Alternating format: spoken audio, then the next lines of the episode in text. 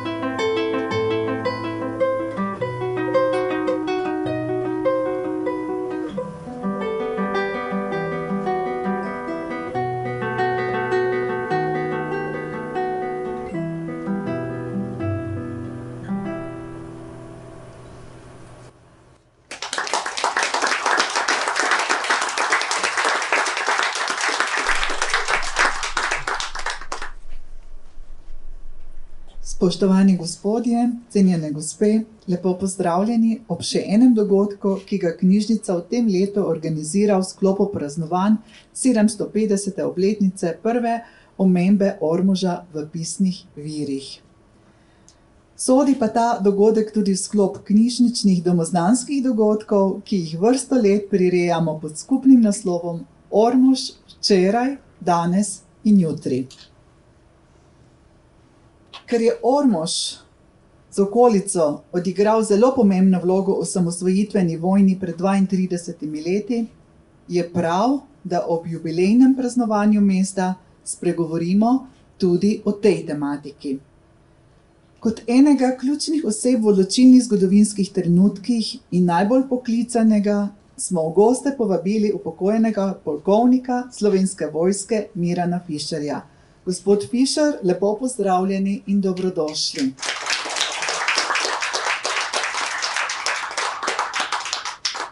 Miran Fišer je svojo vojaško pot zaključil kot načelnik Muzeja Slovenske vojske.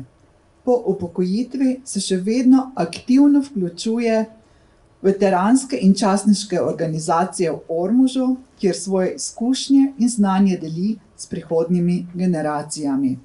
Miran Fišer je zaznamoval slovensko obramboslovje ter ostaja pomemben steber v razumevanju vojaške zgodovine in pomena osamosvojitvene vojne za Slovenijo. Kot je bilo omenjeno že v uvodu, nam bo danes spregovoril o pomenu Ormoža v osamosvojitveni vojni za Slovenijo. V času osamosvajanja je bil organizator manevrske strukture narodne zaščite in poveljnik območnega štaba Teritorialne obrambe v Ormožu. To obmejno mesto s Hrvaško je med vojno za samostojnost imelo zelo pomembno obrambno vlogo. S svojim poglobljenim znanjem in osebnimi izkušnjami bo gospod Fišer osvetlil ključne trenutke med letoma tisoč devetsto oseminosemdeset do tisoč devetsto enaindevetdeset. Spregovoril bo o kritičnih trenutkih pred in med vojno analiziral ključne točke bojnih položajev, kot je Ormoški most. Na tem so se namreč odvijala pogajanja in odpor vojaškim poskusom nasprotnika. Razmišljal bo tudi o vrednotah, ki so jim sledili branitelji, in o vrednotah, ki so jih zgradili. Predstavitev lokalne zgodovine, ki je vplivala na prihodnost Slovenije, bo pospremljena s priložnostno razstavo in kulturnim programom, v katerem bomo prisluhnili tudi pesmi našega gosta Mirana Fišerja. Izbrane pesmi bo interpretirala dijakinja gimnazije Ormož Živa Fras. Še to, uvodoma nas je v svet glasbe popeljal profesor Glasbene šole Ormož Domen Obilčnik. Obema nastopajočima iskrena hvala. Gospod Miran Fišer, predajam vam besedo, vsem pa želim prijeten in zanimiv večer. Hvala lepa. Hvala lepa. Jaz predlagam, da v uvod še slišimo eno izmed, uh, kaj bomo rekli temu pesmi. Uh, skratka, uh, živo poslušajmo.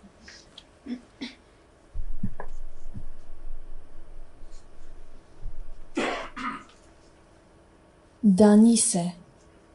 Rojeno bo jutro, prlekija še spi, spokojna, čaka na žetev. Čez zdravo nad poli, nad goricami, pa k nevihti grmi. Zrev klas je v polju kipel, gorice so se v zeleno razrasle, mlad fant pa je po pušku šel. Čuj! Tam daleč za Hrvatijo smrtni veter preti. Na predvečer ujme mi vrabec gleda v oči in pravi: Tu smo doma, nišče nas od tu ne spodi. Kam nas nov duh poganja? Ko klas bo požet, grozdje obrano in ujma bo preč, nam bo žal. Bo čas žalovanja, ali nas ne bo več.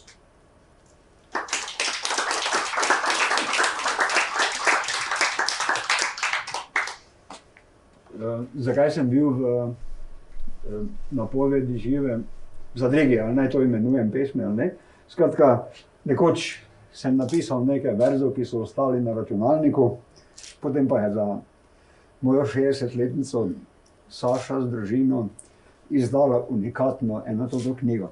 Tako da, ja, so verzi, uh, so ime, predvsem pa sem želel, da bi na današnji dan, ko bom poskušal predstaviti uh, to vlogo Ormoža v osamosvojitveni vojni, tudi uh, na nek način v ozadju prikazati razpoloženje braniteljev, uh, ki se na nek način pojavi ob takšni sliki, ki jo je večina Ormožanov tiste generacije leta 1991 videla ob pogledu na Ormoški most. E, jaz sem prepričan, da e, ni treba dolgega uvoda, e, predvsem iz tiste teorije, glede na to, da sem jaz profesor obrambe in zaščite, e, pa prenesem tisto najbolj znano definicijo. E, Klauzevica, da je vojna nadaljevanje politike.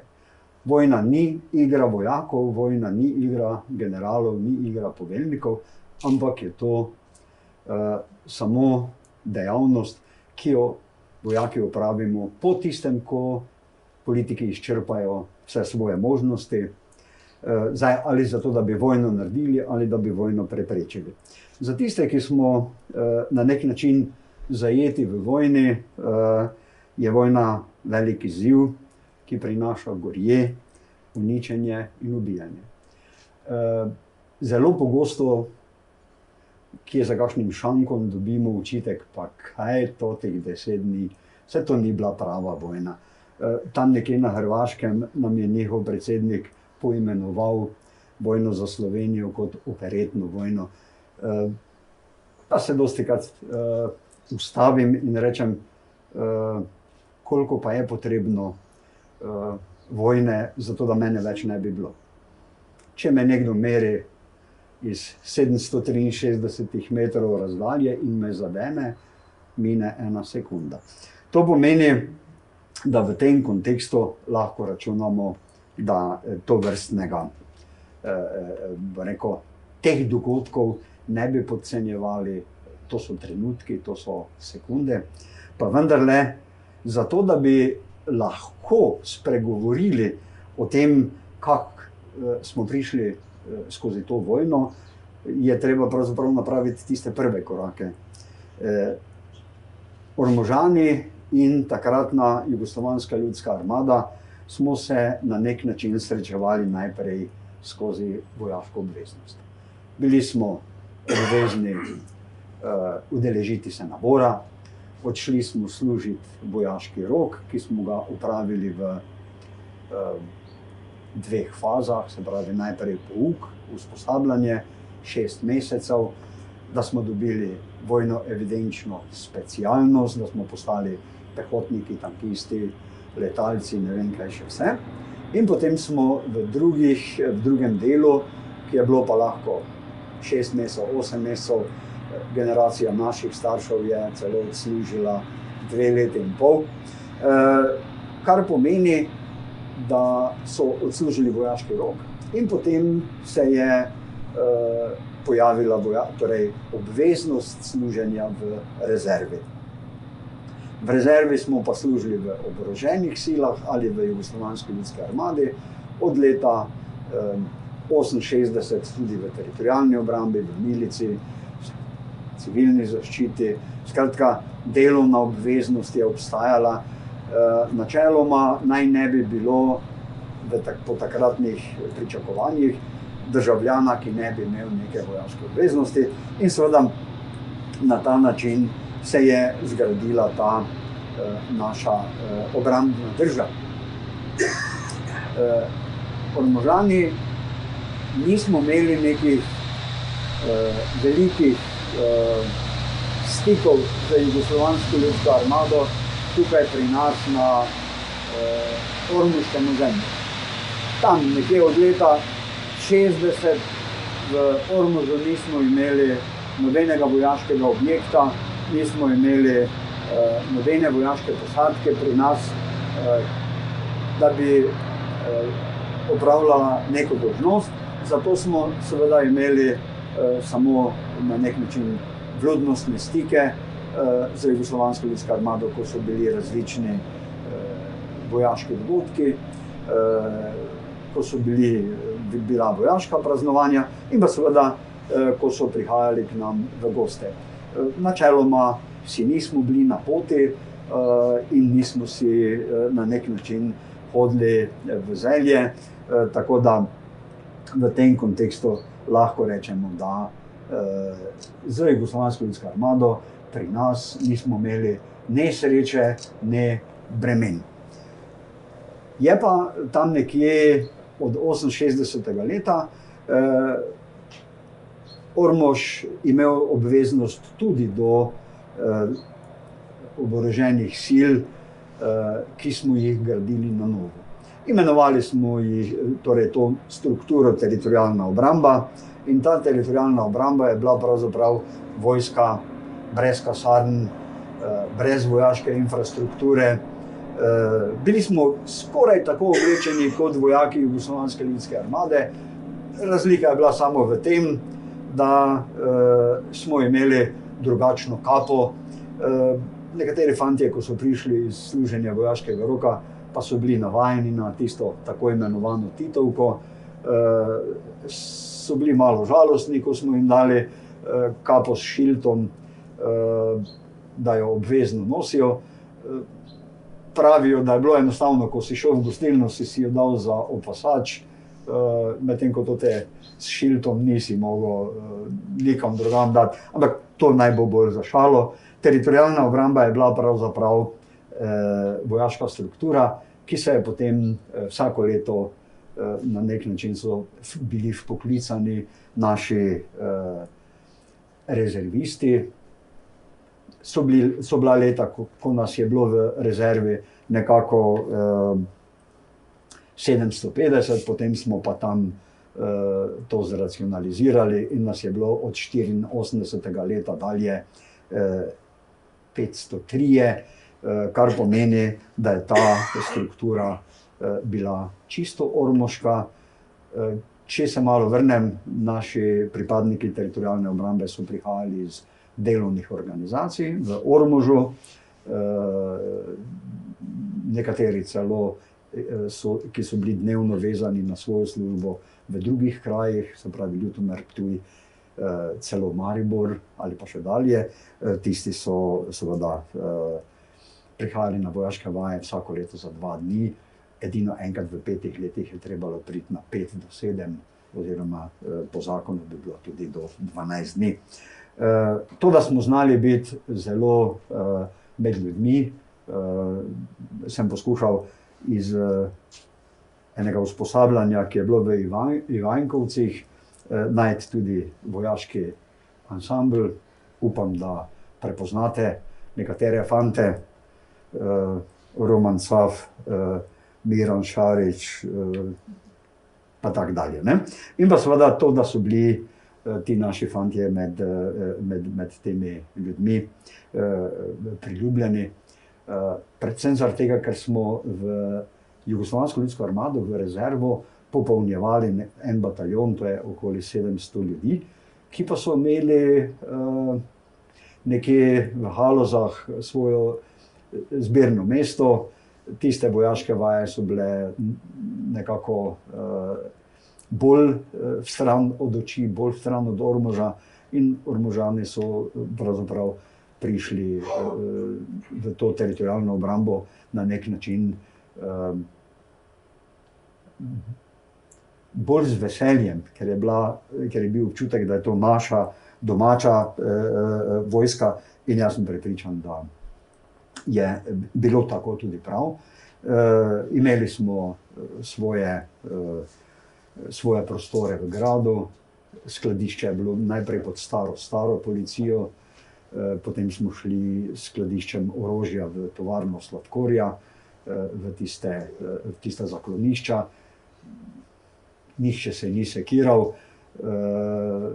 se pravzaprav nihče ni računal na nobeno vojno, da bi kje rabili zaklonišča in tako dalje. Tudi v Ormožu, uh, tukaj na Vrazovi, je bilo uh, atomsko sklonišče spremenjeno v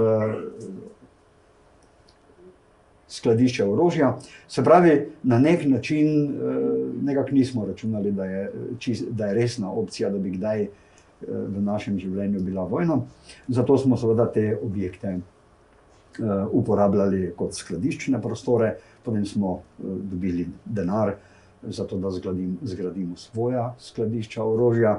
Tovarna Slavkorja je bila še dalje pripravljena z nami sodelovati, so pa menda bili tudi veseli, da Eh, da je, eh, da je ta naša vojaška naloga in vojaško delo šlo eh, ven iz rekel, njihovega, njihovega prostora. No, na tej sliki lahko vidite iz Ivankovcev, tudi ko so nam osnovno šolci kot folkloristi nastopili. Hkrati pa smo skrbeli tudi za podmladek teritorijalne obrambe, Tukaj eh, na tej sliki vidimo tudi mladince, prostovoljce, ki so se v tem eh, v teritorijalni obrambi usposabljali, zato da bi pravzaprav vedeli, kakšno delo teče eh, znotraj, znotraj, naše, znotraj naše strukture. Jaz sem prepričan, da je zdaj pa že čas za drugo, drugi vers živa. Prosim.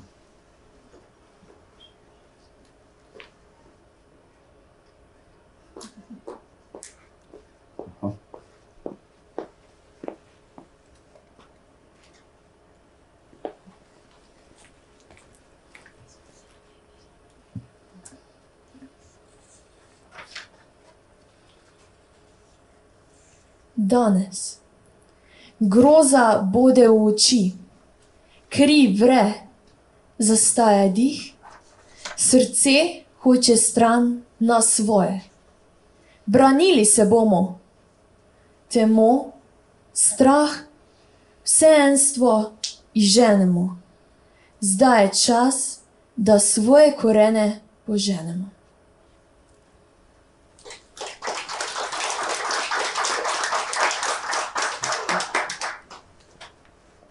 Ko govorimo o vrednotah, eh, pravzaprav pridemo do, eh, do ene misli, ki jo lahko razvijamo iz uh, latinskega ubi patria bene est, kar v mojem prevodu pomeni tam, kjer je domovina, je lepo.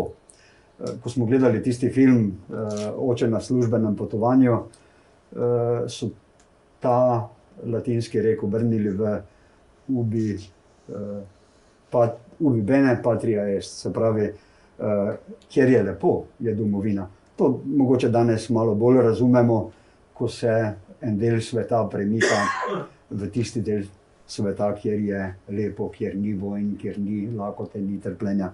Skratka, pa vendarle, eh, če se provate spomniti Ormoža iz 70-ih, 80-ih let. Jaz sem si malo pogledal podatke, eh, nekje do v, v 60. letu je bilo 190 avtomobilov na območju občine Ormož registriranih. 73. leta podatek kaže, da jih je bilo uh, 1100, uh, da je bilo delovnih mest v, na območju občine Ormož pravzaprav nekaj več kot 2000. Vsi ostali ljudje so se uh, morali nekam voziti podatki iz eh, železnice v Ormožu, je na začetku 70-ih let bilo nekje okoli 360 tisoč potnikov letno. No, tam nekje sredi 80-ih let je to padlo na uh, 195 tisoč. Uh, kaj hočem povedati? Uh, mnogi so živeli trdo življenje. Uh, vsak, torej vsakodnevno delo je prinašalo uh, veliko napora, oziroma zahtevalo veliko napora, prinašalo malo prihodkov. Uh, zato, seveda, uh, nam podatki kažejo, da so ljudje odhajali, pa če tu uporabim slovenski tisti rek, s trebuhom za kruhom. Uh, nekateri kot dnevna migracija, nekateri kot tedenska, nekateri tudi v tujino. Skratka, v tem kontekstu lahko rečemo, da je eh, to, kar je eh, organizirana kmetijska proizvodnja skozi kombinat ponujala, potem, ko se je pojavila tovarna sladkorja oziroma gradnja tovarne sladkorja. Eh, med tem časom je tudi tovarna Jože Kerenčič eh, z vsemi svojimi enotami, ki jih je imela, eh, začela ponujati delovna mesta in zgledalo je, krenulo je, bo, dobro bo. Pa vendarle so se potem pojavile, se je pojavila tista ekonomska kriza, ki je imela korene še kje drugje, pa vendarle za tisti, ki ste iz tistega časa, boste razumeli, nekoč smo imeli uh, tako zbadljivko, če je kdo uh, gospoda Rajha videl, da nese tri litre belega olja iz uh, time, ne, je pomenilo, da bo pa uh, kriza, ker bo te dobrine zmanjkalo. On je namreč bil načelnik oddelka za gospodarstvo na občini in, in bi naj imel prvi te podatke. Skratka, To je bila zbadljivka, kot šala, pa vendarle uh, stvari ni, torej ljudje, kljub temu, da so imeli denar, smo imeli denar, uh, nekateri dobrin pač nismo mogli kupiti. Uh, probajte se spomniti, Melka Planinc nam je prinesla vožnjo par, ne par, šparalo se je z benzinom.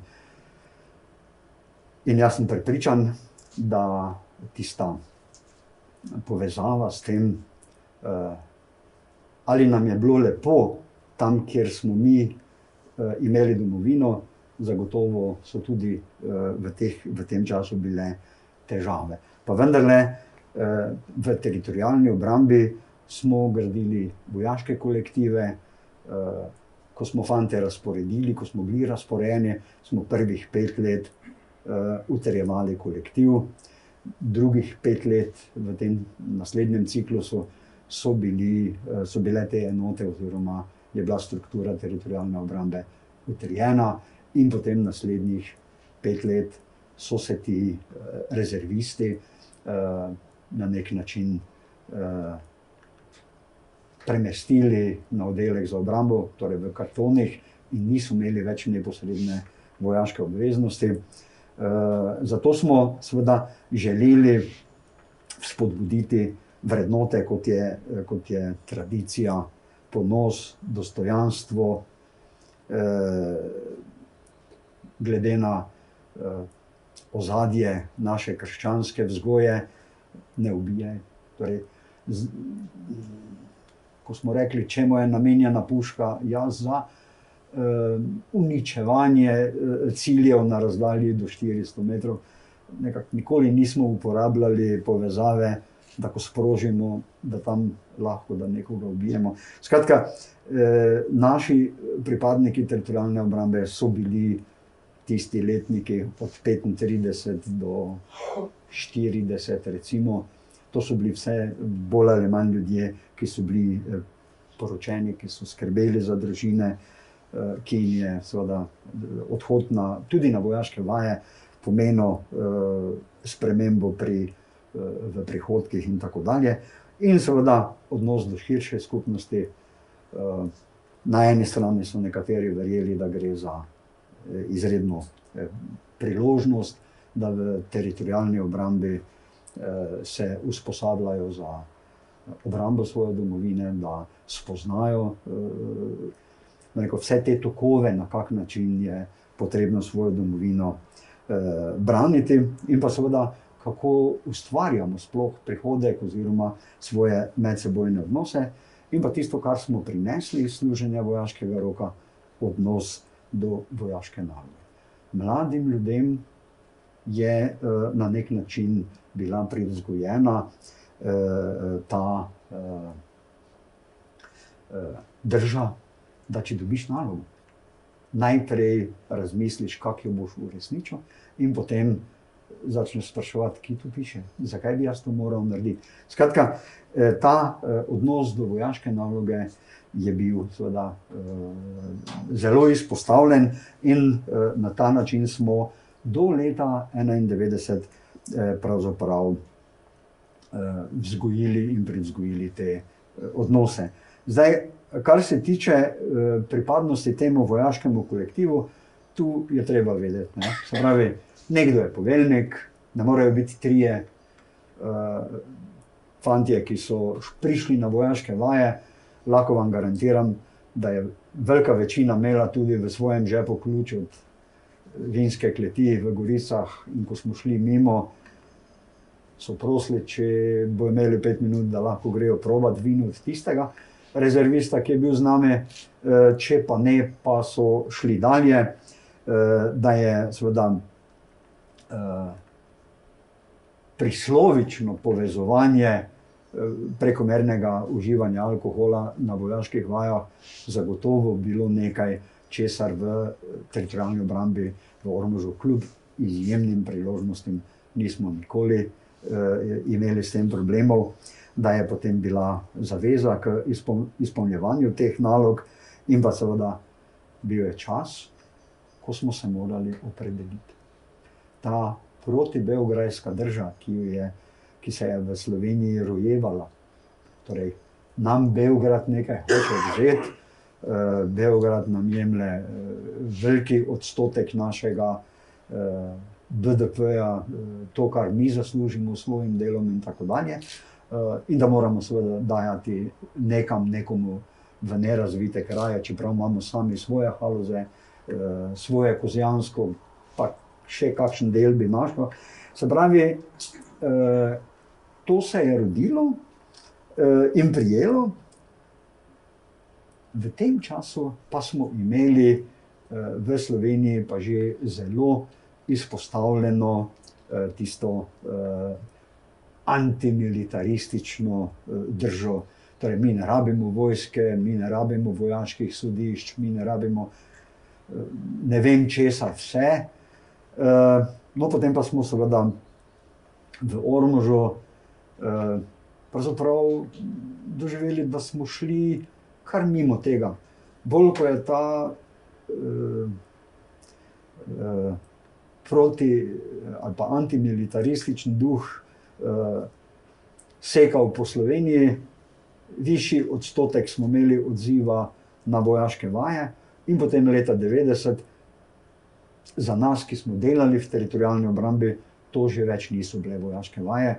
Namreč, ko je šla enota na usposabljanje na teren, sta zadnja dva vojaka nesla uh, za boj s streljivom, kar pomeni, da če bi se karkoli v tistem trenutku zgodilo, se streljivo razdeli in seveda smo pripravljeni za bojno delovanje. Tega prej v, eh, torej na vojaških vajah eh, nismo poznali, edino eh, se je delilo streljivo na strelišču v Apačah, ko smo šli, ali pa recimo v Varaždinu smo tudi hodili streljati, ko smo streljali na tarče.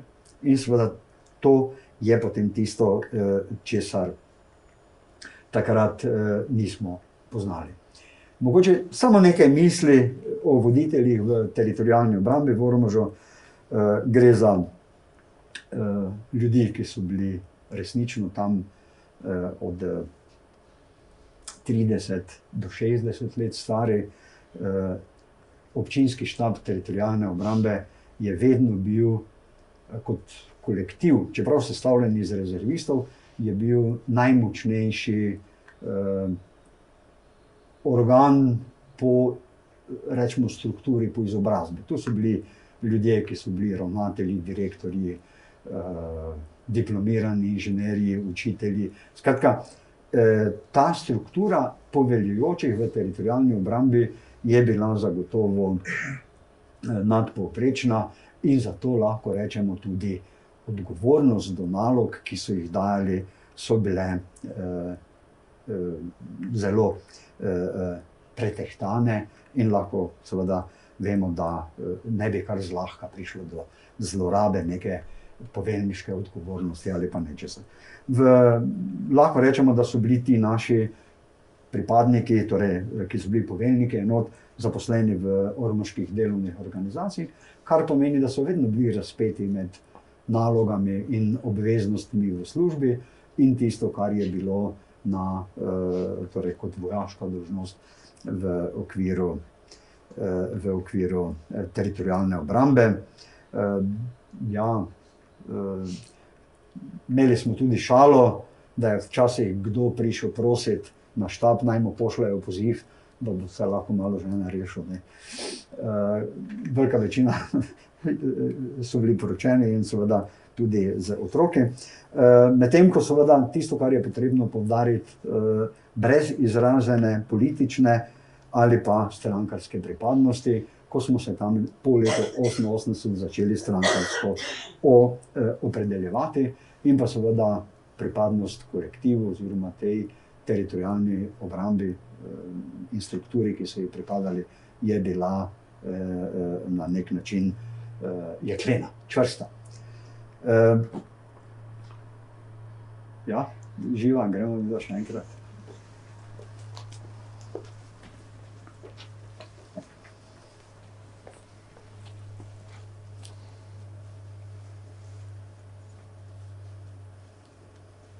Noč.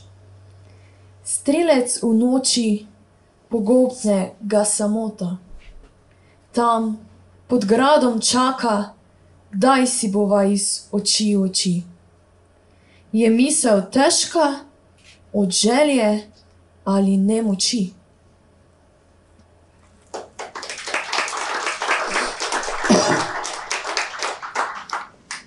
Zdaj, ko govorimo o tem uh, pojavu vojne, kdaj smo začeli misliti, da bo vojna? Tisti, ki smo bili zaposleni v obrambnih strukturah, obrambno-varnostnih strukturah, smo nekako to od leta 1988 dalje vedeli.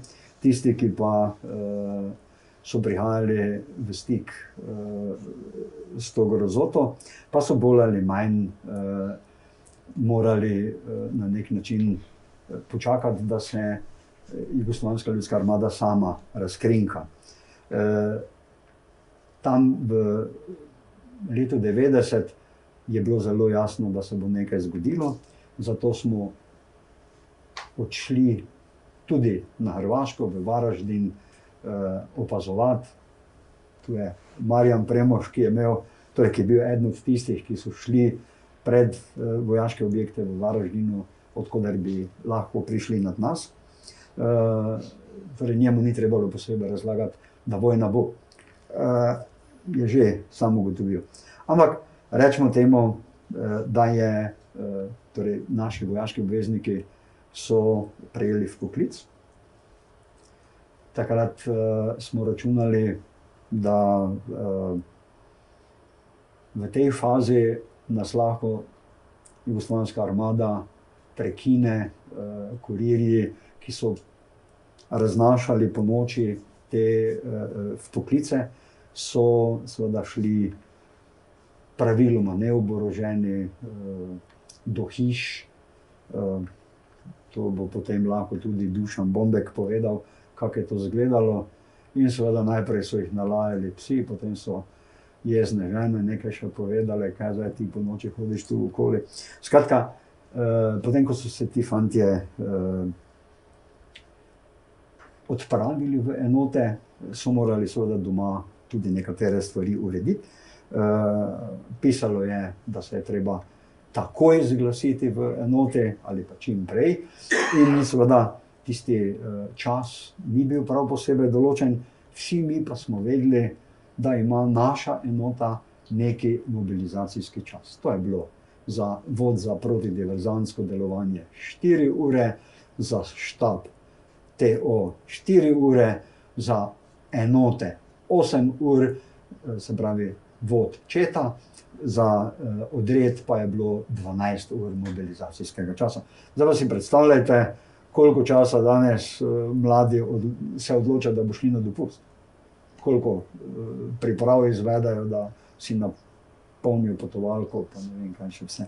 Skratka, uh, naslednja uh, naloga, ki je bila v prihodu, je uh, pokojni Marjan Špacofan moral organizirati razdelitev orožja, streljiva. Potem, ko smo se mi preselili v Ptuj, eh, je to bilo v eh, nadležnosti poveljnikov enot in pa tistega eh, ormoškega, tako imenovanega vojnega štaba, ki je na, v prostorih, nekdanjih prostorih občinskega štaba na Vrazovi ulici potem tudi organiziral ta, to delitev. In potem je pot bilo potrebno oditi na položaje in uh, seveda uh, potem organizirati barikado, recimo na mostu v Ormužu, kar pomeni, da je, da je ta, uh, da se ta vojna potem tudi začela, kar bi mi nazaj vklopila to te. Uh, kaj smo rekli, ali CTRL pa tak, ne? A, pardon. A, sve že. Ja.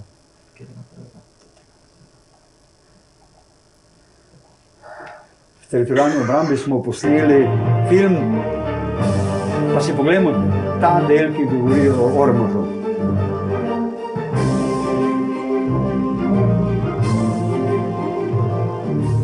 Vojaki smo vedno pripravljeni na vojno. Politike tudi pripravljene vedno preseneti.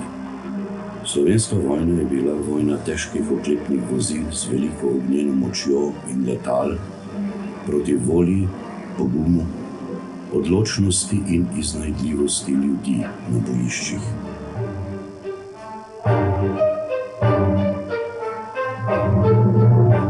Tu je prišlo do prvega stika z jugoslovansko agresorsko vojsko, tako sem prišel do do tega, bi rekel, ultra delovnega stroja. In na tej strani je stal uh, kapetan Motavčič, se je predstavil, celo smo se rokovali tako čez to desko od delovnega stroja in mi ob tem stiku kazal na uro, čez dve ure mora biti v Gorni Radguni in naj zagotovimo umik te barikade, da bo da vojska lahko prečkala. Seveda, eh, prenesli smo te njihove zahteve pristojnim in jim dali odgovor, da je tu Slovenija, da je jugoslovanska armada je agresor in da tega mostu ne bo prečkala. Najbolj se spomnim preleta vojaškega letala Orla, eh, na tej strani je tudi stal nek njihov vojaški, mislim, oficir jugoslovanske armade in ta Orel je letel zelo nizko nad temi očmi, še celo njihov je rekel, pa gledaj, ove naše budale, pa pobitče nas, bolje, da idemo svaki na svojo stran. No in do takrat, so potem začeli z brutalnim obstreljevanjem tako te barikade, kot eh, se pravi okolice Ormoškega mostu, celo eh, rekel, Ormoški grad, eh, stolp so od tu stanki, stanki zadeli. Leta 91 smo bili na tem položaju, ko smo branili dejansko domovino Slovenijo. Ko smo postavili dejansko, da dobimo svojo lastno državo, ne pa teklepno orožje, najbolj sem bil postavljen dejansko dobesedno pred barikado na moste. In moja naloga je dejansko bila, da varujem barikado, pa da potem, če bilo potrebno, dejansko bojno delujem proti tankom. Ko je počlo, je razneslo rekel, te tam, rezervoarje goriva na ultih, na kamionih, je to vse pred mano eksplodiralo. Takrat me bo stalo dejansko eno sekundo, dve sekundi strah. Veš, kako je bilo meni, ne? jaz se pa moram rešiti naše pogajalce, sem imel ostreljeno puško, moram se meriti v človeka.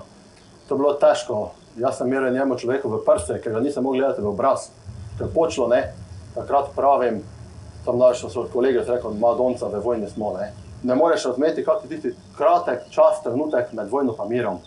Takrat smo skandirali, dejansko hura, hura, smo jih tudi zmerjali, lopovi, cigane, dejansko vse smo mi branili svojo ozemlje, svojo domovino, oni pa so dejansko to nam šteli vzeti.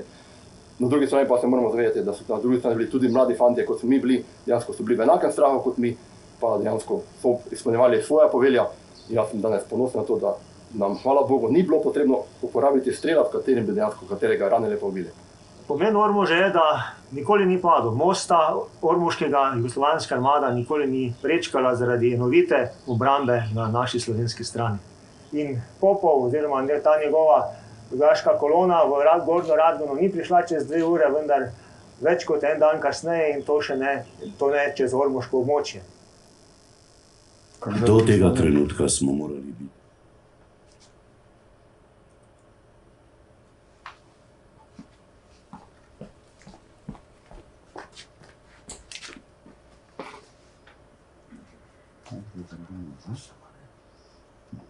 Začnemo. Tak, evo, tak. Um, ja, um, dajmo zdaj. Torej, na, pod, podoba Ormoške vojne uh, se je seveda uh, prepoznavala potem, da smo postavili barikade, da smo uh,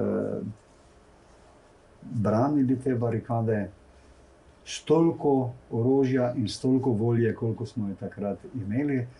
Zagotavljam, da je bilo volje bistveno več, tudi uh, pri ljudeh. Uh, je, se je porajalo, da bi seveda teritorijalna obramba lahko bolj odločno in prej ustavila uh, nasprotno vojsko. Včeraj ravno mi je Jože Kosi poslal eno sliko uh, enega ormožana, ki je znal sesti pred, uh, na cesti pred tanke, na, pred Ormoškim mostom na hrvaški strani in seveda vztrajal, da lahko gre naprej samo brez njegove, torej preko njegovega trupla. Potem pa je seveda pričakoval, da mu bomo lahko na štabu teritorijalne obrambe zagotovili orožje.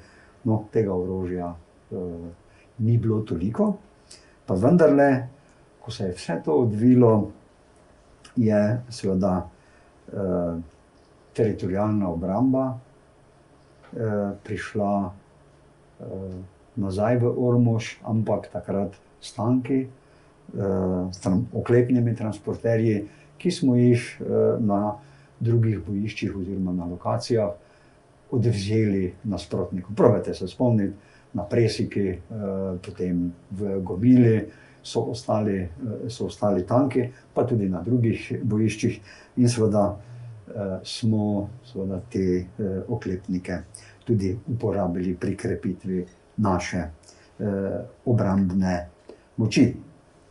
Uh, jaz sem prepričan, da ta zgodba, ko govorimo o, o, o tem, uh, kakšne vrednote smo zgradili, namreč uh, to, da smo šli skozi to vojno, da uh, smo pravzaprav bili izpostavljeni uh, in da je bilo potrebno uh, s temi našimi s, rekel, z našo bojno močjo, z našim orožjem, se upreti bistveno močnejšemu nasprotniku, da pa je potem seveda obramba vzdržala. To je včasih zelo pomembno vedeti, in da smo lahko ostali na teh položajih, organizirani v takšno vojaško strukturo, kot smo bili, je seveda bilo potrebno zgraditi nekaj novih vrednot. Pa bi živo še enkrat prosil, če prebere.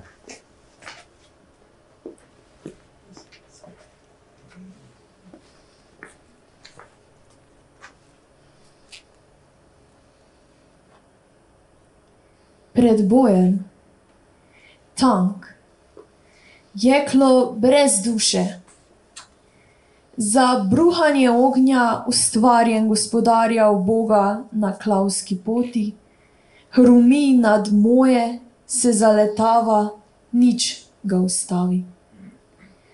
Uvira na dravi se nudi, kot žrtev na poti, da tanke ustavi, pogotne njih bes, da bi moji na drugi strani mogli po svoje živeti.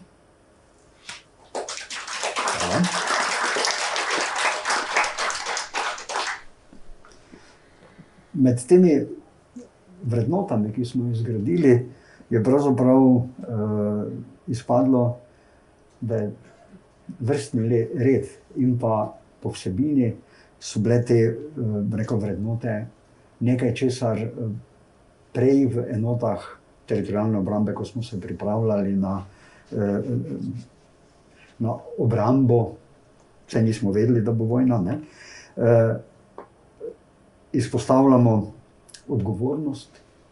Se pravi, ni bilo uh, ljudi, ki bi rekli: Čakaj, malo, to je tank, jaz imam samo puško, jaz, jaz grem domov. Torej, tega skoraj ni bilo, ali pa je bilo zelo malo, in tisti, ki so ostali, so bili toliko bolj čvrsti pri tem svojem delu. Da je bila ta odločenost, da ostanejo na teh položajih, in da jih čisto nič ni zanimalo. Jaz se spomnim uh, enega takega dogodka, ki je sicer bil vezan tu na enega možakarja, uh, ki je živel uh, na, na meji med takratnima občina, občinama Ormož in Ptuj. In je njegova žena prišla k meni na štab. Ženska je bila tako nekje en sedmi mesec že noseča ne, in pravi, čujte, vi imate mojega deda, če bi ga uh, pustili domov. Sneko, ja. Bomo pogledali, kaj se da narediti. Ne? In jaz se enkrat odločim, pa grem tu nekje na Forminu, imel, blizu Formina, imel položaj. In jaz tega po prijimku možakarja poiščem, pa ga najdem na položaju. Pravim, čute, jaz sem se z vašo ženo pogovarjal. Ne? Pravi, ja, v redu. Sneko pa pravi, da vas rabi doma. Pravi, ja. Pravi, ampak ona pravi, da imate doma delo. On pravi, ja, jaz imam tu delo. Pa je pokazal na puški dva merka, prednjega in zadnjega. Ne, in rekel, ko bomo to delo naredili, pa prijem domov dela tudi to. Se pravi, ta odločenost, da bomo vztrajali na položajih, me je seveda prepričala v to, da bo ta obramba vzdržala. In pa seveda eh, poveljniki enot, nič več niso bili uh, ono, razumem, razumem, pa više gor, ko si bil, več si imel uh, obveznosti ali pa pravic. In potem na, nam je nekje nekdo, ki je v štabu bil v službi, zrihtal jesti. Ne, v času vojne so fantje, ki so bili poveljniki vodov, torej nižjih enot, samostojno odločali, da mi gremo po naročilnico, gremo v uh, trgovino, vzamemo jesti nahranimo svojo vojsko in tako dalje. Se pravi, ta eh, samostojnost in iznajdljivost, na kak način rešiti te probleme, je bila eh, izpostavljena. In ko je Boris Vukan enkrat napisal v enem prispevku za naš veteranski zbornik, tako stran pa pol, koliko je bilo, dva, dve strani, med katerimi je tudi zatrdil, da ni bila organizirana prehrana strani štaba in tudi ne tista intendantska eh, zagotovitev, kar pomeni, ker je po noči deževalo. Ne? Imeli so pa samo poletna oblačila in to še takšna, ki so bila v SMB barvi, tako kot Jugoslavijska ljudska armada. So se seveda ljudje iz uh, višjega poveljstva razburili, kako lahko to Vukan reče, se to ni res, to je bilo organizirano, v timi je bila naročilnica. Ja, tu zdaj nismo mogli reči, da ni bila. Te se je pa Karči vstal enkrat in rekel, ja, je bila naročilnica, jaz sem vedel, da so moji fantje, on je bil naš kuhar v občinskem štabu prej. Rekel, jaz sem vedel, da so moji fantje na položajih lačni, na polno vrečke sendviči. In ko sem prišel pri Hebarovi vili ali hiši uh, za ovinek, je prvič počlo. Rekel, jaz sem tiste vreče sendviči vrgel v koprive, pa bežal na varno. In naslednje tri dni nisem razmišljal, kdo je lačen, pa kdo ni, ker je tja bilo iti face to face nevarno. Se pravi, na eni strani ta iznajdljivost in pa to, kar sta eh, tudi brata Puklavec v filmu posebej zelo eh, izpostavila, je spoštovanje življenja. Na oni strani nikoga nismo sovražili, samo k nam ne sme priti. Bili smo se pripravljeni braniti, ampak nismo bili pripravljeni nikoga žrtvovati in tudi nikoga na oni strani eh, usmrtiti. In pa tista zadnja vrednota, domoljubje. To je tako za pionirčke v osnovni šoli nekako bilo, to smo razumeli, da je treba eh, za domovino stiti naprej, pa tako dalje. Ampak, ko smo leta eh, 91, junija, julija, stali eh, na barikadah, je ta, eh, to čustvo, ta, eh, rekel, ta domoljubni duh, eh, bistveno eh, više sego bil eh, nekako bolj izpostavljen. In to je trajalo tam nekje do novembra leta 91, ker smo potem še imeli poklicane enote, ki so varovale, eh, varovale mejo. Uh, to je slika ormoškega voda, teritorijalne obrambe. Jaz uh, verjamem, da tisti, ki se branijo, uh, kako je bila ta naša teritorijalna obramba oskrbovana, preskrbljena in tako dalje, lahko pogledajo to sliko.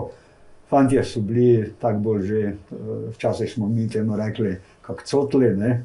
Si lahko mislite, če bi kdo umrl, bi umrl v barvi nasprotnikovih uniform. To, ampak na tej sliki jih je pišta brez prepričevanja ujel, kako so srečni, da je pravzaprav te vojne že konec. Mogoče še samo ena misel, e, predtem pa mislim, da ima še živa eno e, pesnico.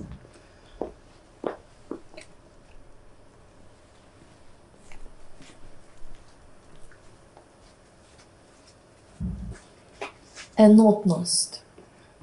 Kako opisati tisti dan, ko šli smo z doma v gost na položaje? Zlili smo se, ustvarjali vseenost, prezrli pomladno dehtenje, preslišani ugašanja strah in v enotnosti lebdeli.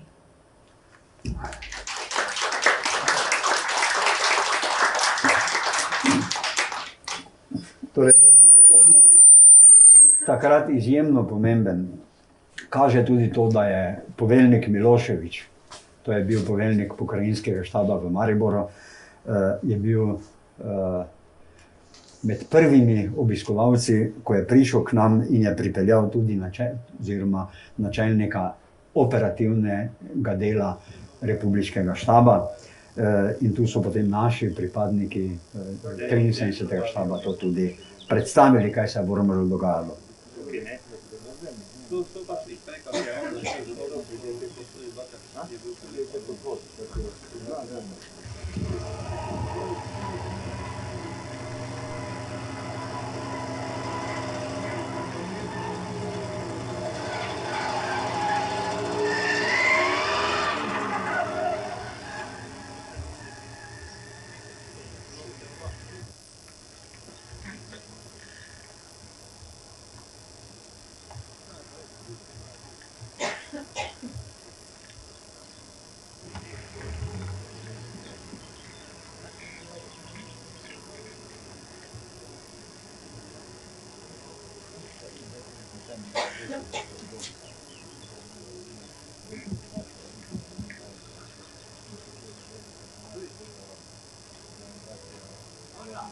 Ja, to chciałem. Wczoraj to kurwieli na łażku, potem to stronę.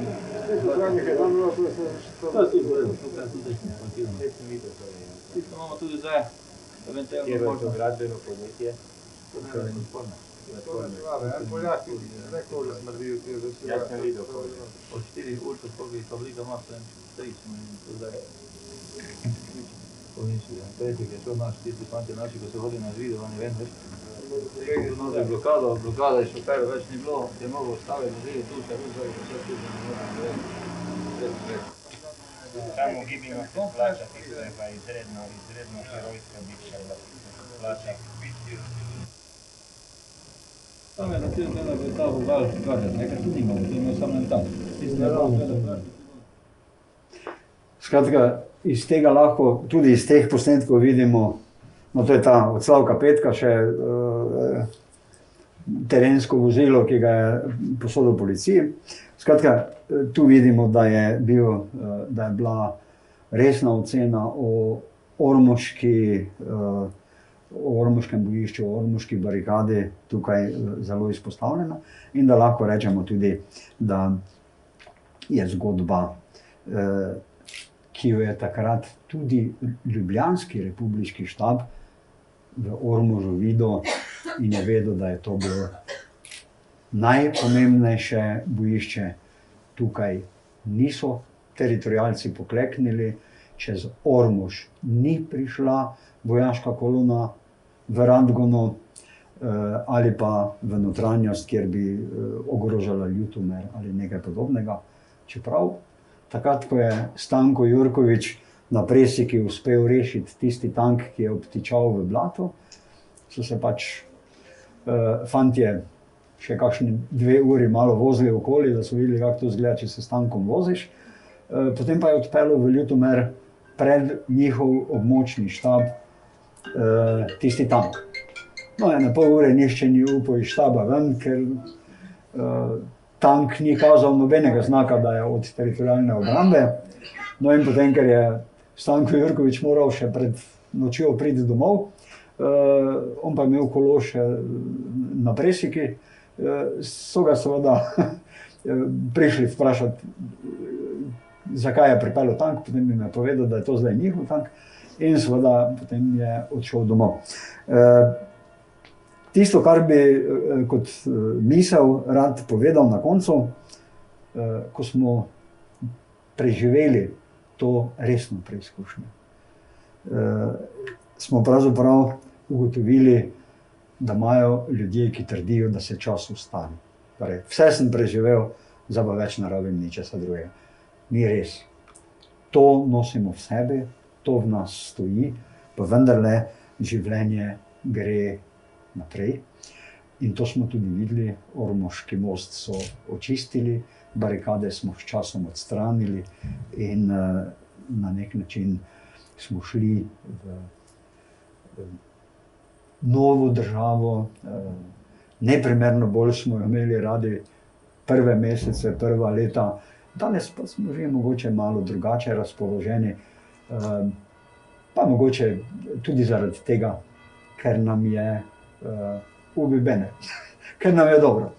Uh, in to, da si želimo, da bi, uh, da bi šlo še lepše, ampak to, da smo eh, svobodni, da lahko gremo, pa kamorkoli že smo se namenili, je prav, da tisti, ki to imamo v sebi, da to znamo spoštovati.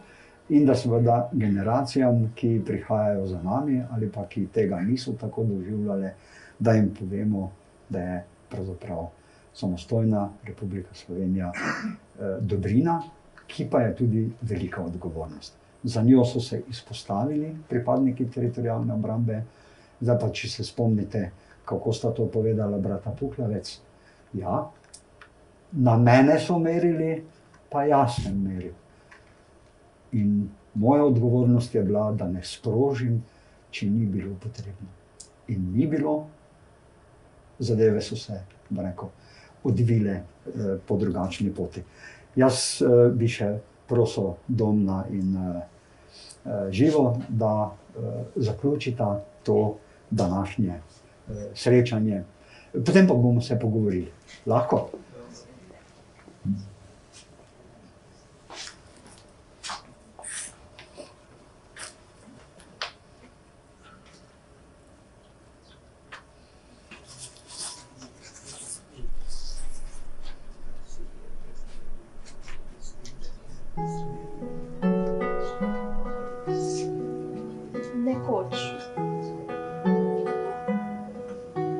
Nekoč. Nekoč, nekega dne, sedli bomo v družbo, bo beseda šla z besedo, da povrne nas v vojni čas. Tisti čas, ko šlo nam je za nohte, ko dali so nam klavsko službo, da ne bi ostali tam, se razidemo, otožni kot nekoč.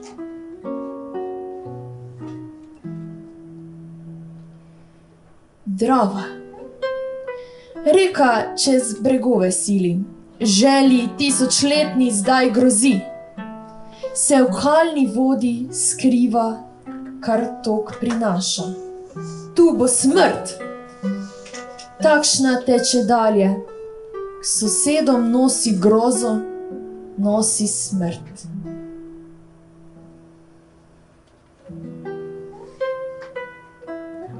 Na položaju. Predolgo sem bil pritisnjen k tlom, kot bi iz zemlje rasel.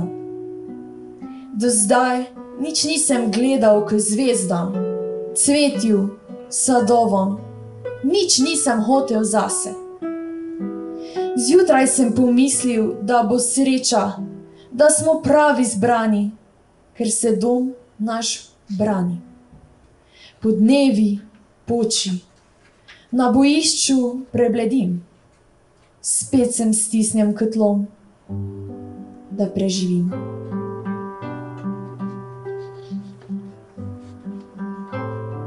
Kušnja. V jutranjo roso za praznik so šli k sosedom s košaro polno dobrot. Sosed pa je brusil koso.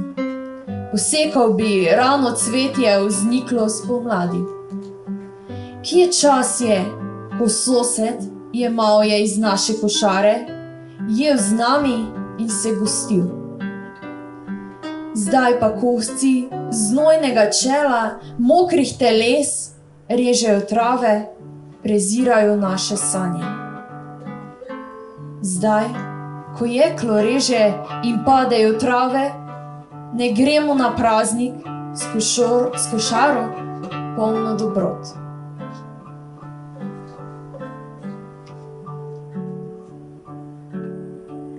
Pri nas, na vrtu češnja, lepa kot nevesta, veter z juga v hrupu, cvetje ji otepa. Veter skoraj vihar, za pesem ni časa, skrb nas pretresa. S hrupom trvi nad nas mlacev postroj, njih pesem ni naša.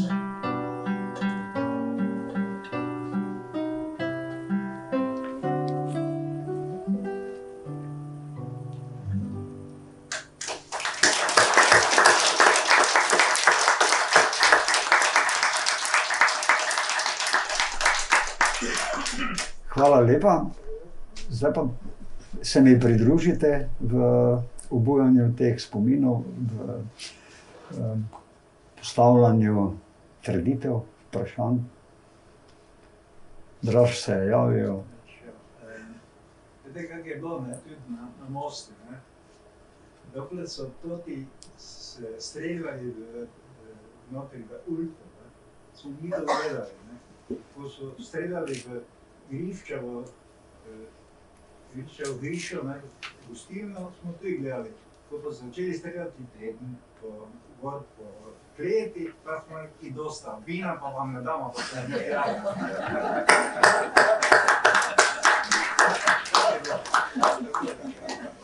Ja.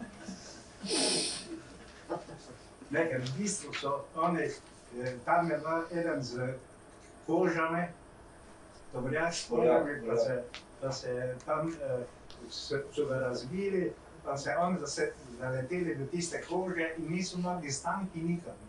Ni bilo šans, da bi kam naprej prišli. Ker kad so ven vstopili iz taka, pa so naši teritorijalci stalno streljali na njih, tako da ni bilo nobenega problema. Ja, jaz sem prepričan, da eh, včasih je tako, ko si eh, brez premisleka zadaš eh, neko težko nalogo, potem si pa samo uvire postavljaš, tako kot se je to zgodilo na Ormoškem mostu. Eh, sem prepričan, da eh, je možnosti za uspeh bilo zelo malo. Ne? Pa vendarle. Eh, ko smo se pogovarjali tudi z ljudmi izven uh, Ormoža, recimo s takratno predsednico izvršnega sveta Murska sobota. Ko je komandant kasarne zagrozil, da bo razstrelil Mursko soboto, ne, seveda zdaj ljudje, ki ne poznajo učinkov orožja, uh, so mislili, da to, to je zdaj konec sveta, mi ne smemo se uh, upirati Jugoslavijski armadi, mi moramo. Uh, v Ormožu nismo imeli takšnega vzdušja. Takratni župan, dr. Jože Bešvir, je prišel na železniško postajo in rekel: Čakaj, malo bom jaz šel. Ne? In se je hotel iti še tam pogajati in prepirati, takrat s komandantom 32. motorizirane brigade.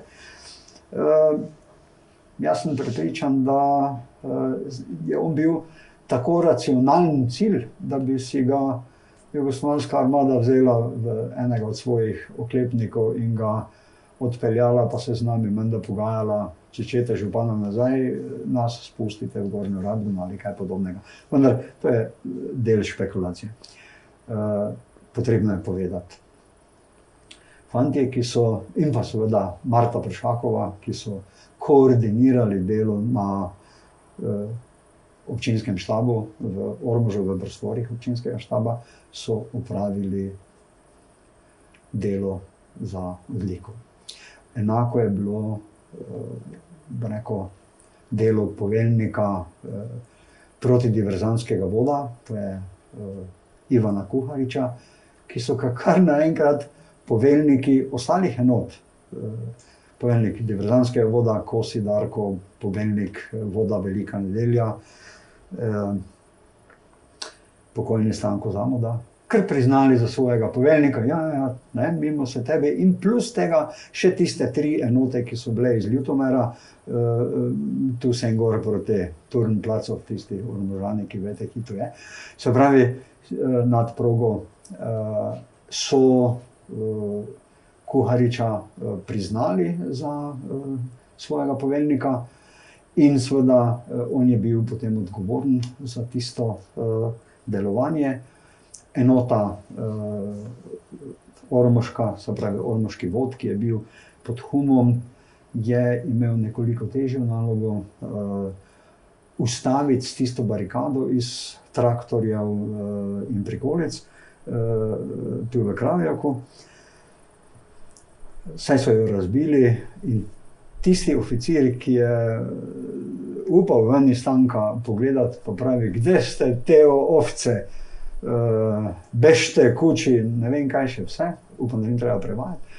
Uh, no, ta oficir, to pa dolgo časa nismo vedeli, ta oficir je bil potem tudi zadet uh, skozi čeljust sredi Ormuža, ko se je tudi Petelino, uh, če zdaj ni najbolj vojaška, vojaški izraz za tisto, kaj se je dogajalo, pa vendarle uh, od Ormužanov se nihče ni upal pohvaliti, da ga je ustrelil, čeprav bi dobil medaljo. Ne? Uh, Medtem ko nekateri dopuščamo možnost, kaj pa če so ga tudi njegovi zadeli, ne? iz tanka nekako ven. Tak da, v glavnem, Marta Pršakova je tudi, ko je videla ranjenca, odigrala vlogo, torej oddelala svojo vlogo eh, medicinca, oziroma ona je bila na dožnosti, eh, referent za sanitetno službo, je oskrbela ranjenca, so ga odpeljali na Ptuj na kirurgijo, kjer so ga oskrbeli. Eh, In tam, torej, to je potrebno povdariti, ne, da je uh, na nek način tudi ta humanitarna plat na naši strani, ne glede na to, da so nas ustrahovali, uh, s tistimi oklepniki sredi Ormuža še funkcionirala. In tudi jaz sem bil na obisku v Ptujski bolnici, ker je tam bil en pripadnik teritorijalne obrambe. Uh, Na intenzivni negi, ker je dobil Rafal čez uh, Trebuh. In ko je bil uh, znak za alarm uh, za zračni napad, so seveda medicinske sestre preletele v tisto šok sobo, zagrabile najprej postelo od tistega oficira in ga peljali v uh, zaklonišče. In možakar je zmumljal pred mano, ne, pozari imene, pa smo tako samo rekli. Ni sicer mogel tako govoriti, ampak dalo se je razumeti, da je to mumlo. Uh, veliko let kasneje uh, sem to postavil v svojih prioritetah, uh, v spominu na vojno, da smo bili reko, izjemno humani. Treba je povedati, da smo z vsemi temi pripadniki teritorijalne obrambe v času vojne pravzaprav ravnali tako, kot če bi bili na vajah, spali so na tleh, pokrili so se glih s tistim, kar so v svojem nahrbtniku imeli. Definitivno na nek način organizacijsko nismo bili na tisti ravni, da bi takrat razumeli, da so to naši heroji.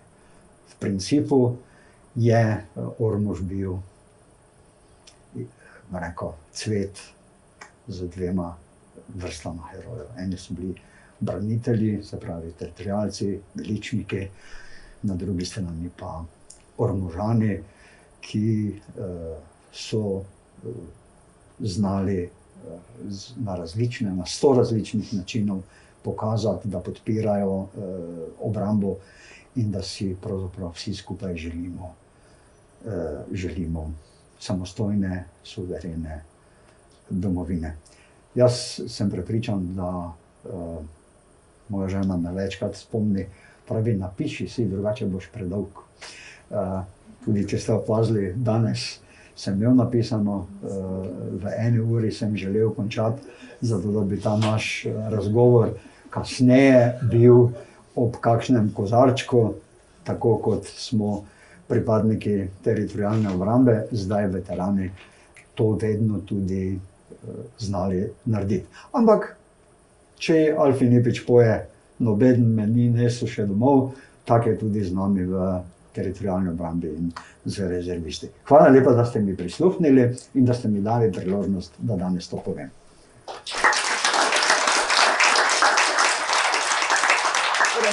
hvala. Čestitamo uh, seveda gospodu Fišerju tudi za njegovo poezijo. Mislim, da je ta večer naredila še lepši, boljši ne? in da smo boljše doživeto uh, slišali, poslušali o vsem, kar ste govorili. Ne? Res hvala vam, pa hvala tudi vsem fantom, ki so danes tukaj za vso hrabrost, ki so jo imeli v tistih odločujočih uh, dnevih. Uh, Brez njih bi bilo verjetno drugače. Torej, res hvala. Ja, hvala. Hvala, seveda, fantom, ki so me danes prišli poskrbeti.